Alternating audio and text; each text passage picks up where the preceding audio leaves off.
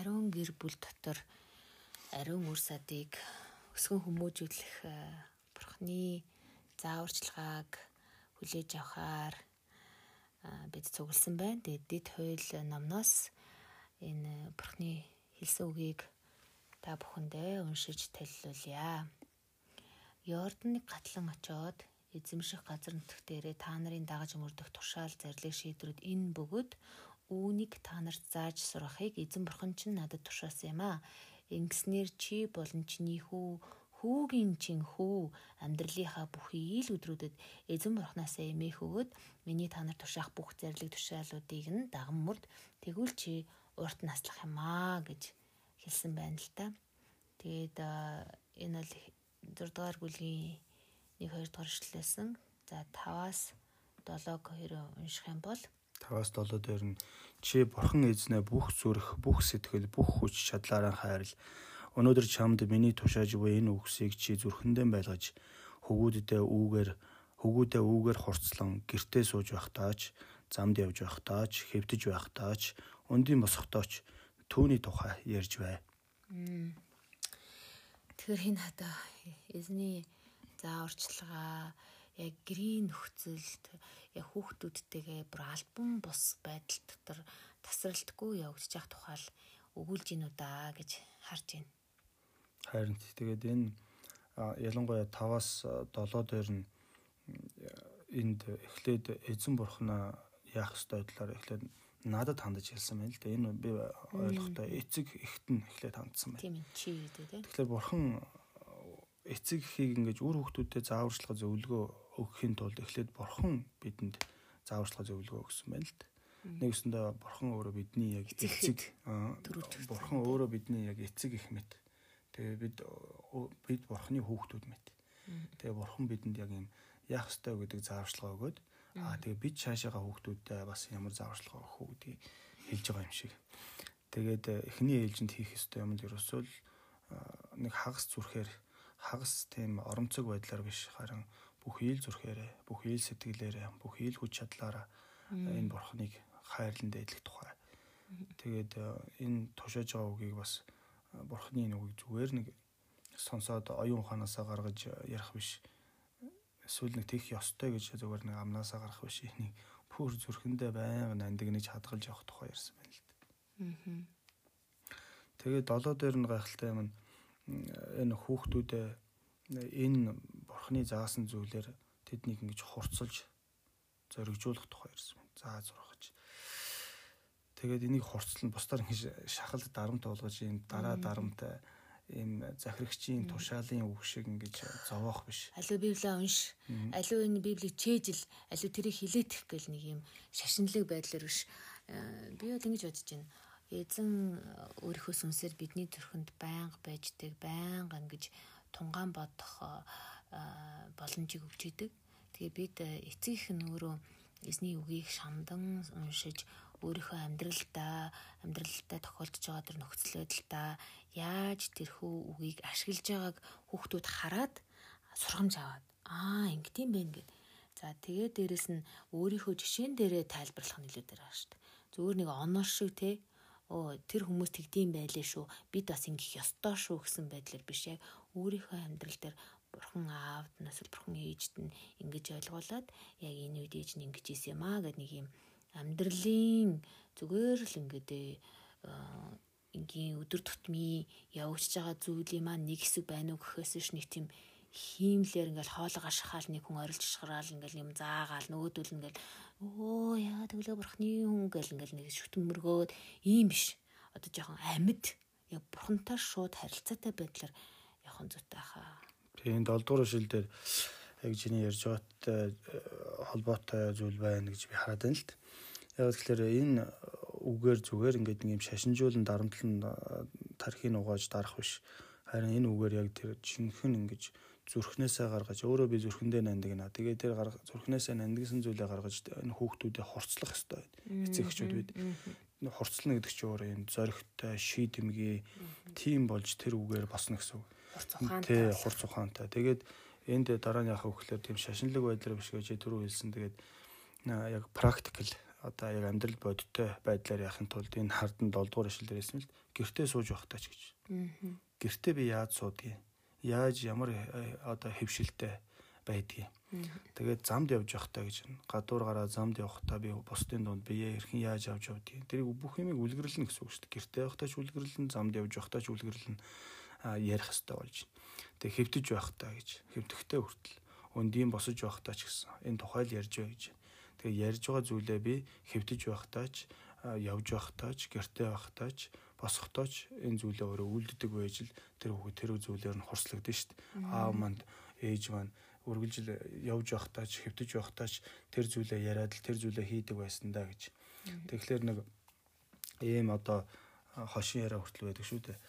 Нэг хүүхэд аав нь эндэр дээр номлолоо хийчгээд дууссан хойно хүүхэд нь эндрийн зулгаагаа зогсож байдаг. Тэгээд өөр цуглааных нь өөр хүн ирснэ. Гэхдээ миний хөө чи наад миний дөө эндрээ ингэж сулгааж татаж хаашин зөөх байгаа юм гэсэн чи би энийг гэртээ авчмаар байна гэд.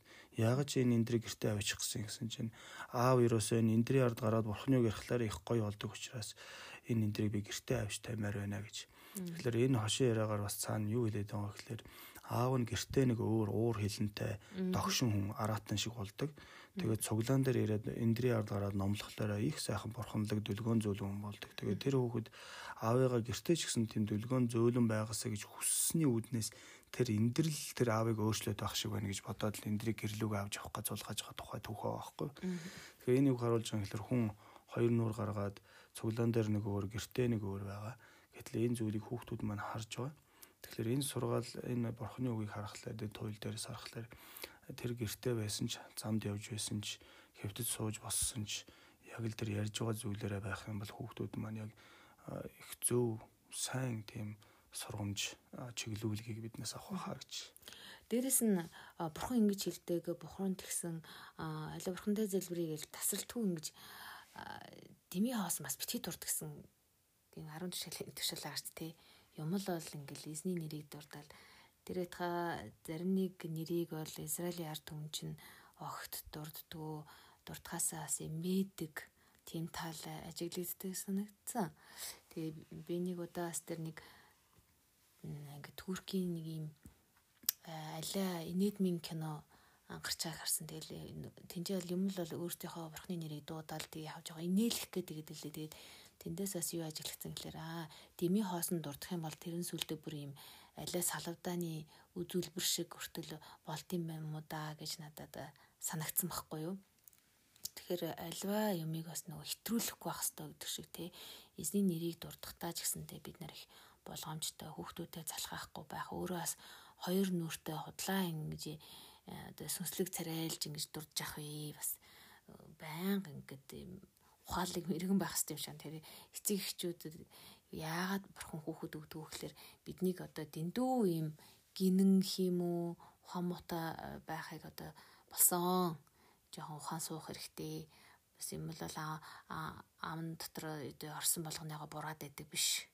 Бас нэг хянамгаа хэрэгтэй үедээ дуурчаад хэрэггүйд нь дугаа суудаг тийм бие зэгрч чадртай суулгах юм болоо тий хүүхдүүдийн хажууд бас хэлж байгаа өгнүүд маань хэнийг нэг муулсан эсвэл одоо юу гэдгийг тэд нарт таадагдахгүй байгаа тийм зүйлийг ярих тусмаа бид нэр бол нөгөө хүүхдүүстэй буруу үлгэр дуурайл үзүүлэхээр юм л та. Тэр хүүхдээ энэ сахилга чиглүүлгээс хөндөөрүүлж болохгүй гэж сургаалт үгийн 23 дээр бас хэлсэн мэдээ. Тэгээд ер нь хүүхдийг сахилга баттай, хүндэтгэлтэй, эцэгтэй, өвгөнд мэрэгэн ухаалаг хэрсүү болгож өсгөх тийм одоо даалгавар үүргийг бурхан бидэнд өгч. Тэгэхээр бид хүүхдийг аа одоос та мундаг болгоно гэдэл өөрсдийнхөө туулж өөрөө өөрчлөгдөж чадаагүй зүйлээ хүүхдээсээ нэхэж бас болохгүй. Тэгээ нэхэж болохгүй. Тэгээд үнэндээ бол бурхан бидэнд хүүхэд өгдөг нь тэр хүүхдээр дамжуулаад бас эцэг эхийг хүмүүжүүлж яадаг. Эцэг эхийн тэр одоо хоёр нүр гаргаж байгааг хүүхдүүд бол мэддэг учраас үнэндээ эцэг их өөрөө өөрчлөгдөхгүй бол хүүхэд бас бидний хүссэн хүүхэд болж өсөхгүй. Тэгэхээр энэ нөгөө төгөр бурхан бидэнд нөхөр хүүхдийг шагнал гэж хэлсэн байдаг те. Энэ бол одоо уман үр жимс шагнал юм а гэж. Тэр шагнал нь юу гэхээр заримдаа биднийг өөрчлөх тийм шагнал биднийг одоо цоо шин хүн болгож өөрчлөх шагнал дээрэс нь эргээд хүүхдүүд маань зөв хүмүүжлэр бидний яг зөв хандлага сэтлэр өсөж хүмүүжээд том хүн болох юм бол эргээд өтөлсөн бидэнд өр хөвгт маань бас үнэхээр ашиг ашиг тусаа ашиг тусан ч юм одоо хүндлэл үзүүлсэн тийм шагнал бас болно гэж эцэг ихтэй илбэрэлтэй тийм энэрэнгүй хүндэтгэлтэй тийм хүүхдүүд болж өсөх учраас тэр мэдээ шагнал байхаас яах вэ? За тэгээд энэ өөр хүүхдүүдээ хүүхдийн оронд унахаас аврахын тулд хүүхдүүдэд сахилга баттай болгож бас хүүхдийн зүрхийг тийм мэрэгэн байлгавал тэр эцэг эхэнчдэр өөр хүүхдийн зүрхчдэр эцэг эхийн зүрхчдэр бас хамт ингэж баяснаа гэдгийг энэ сургаалт үгдэр хэлсэн байдаг. Тэгээд хүүхдтэй холбоотой хүүхдүүдэд зөв сургаж хүмүүжүүлэхэд энэ ялангуяа сургаалт өгсөн олон сайхан үгнүүд байдаг л да. Тэгээд өөр хүүхдүүдэд хандаж хэлэхдээ эцгийн чинь үг бол одоо ийм сайхан чамд чимэг авчирна ээж чинь сургаалуул чамд одоо хүзүүндөх гоё шиг байна гэднээс гсэн өгнүүд их байдаг. Тэгэхээр тэр хүзүүндөх эцэг эхийн ээжийн юм уу аавын тэр одоо сургамж сургаалууд нь хүүхдэд тийм хүзүүндөх одоо гоё шиг одоо тэтем шиг тийм байхын тулд бид өөрсдөө яг тийм гоё л болж чадхаар тийм зүйлсгэл болох үг хэлж байна уу? Тийм тэтэн болохоор тийм сайхан үнцэнтэй зүйлсийг өөрийнхөө амьдралаас гаргаж байна гэдэг чигч хөө шүү дээ.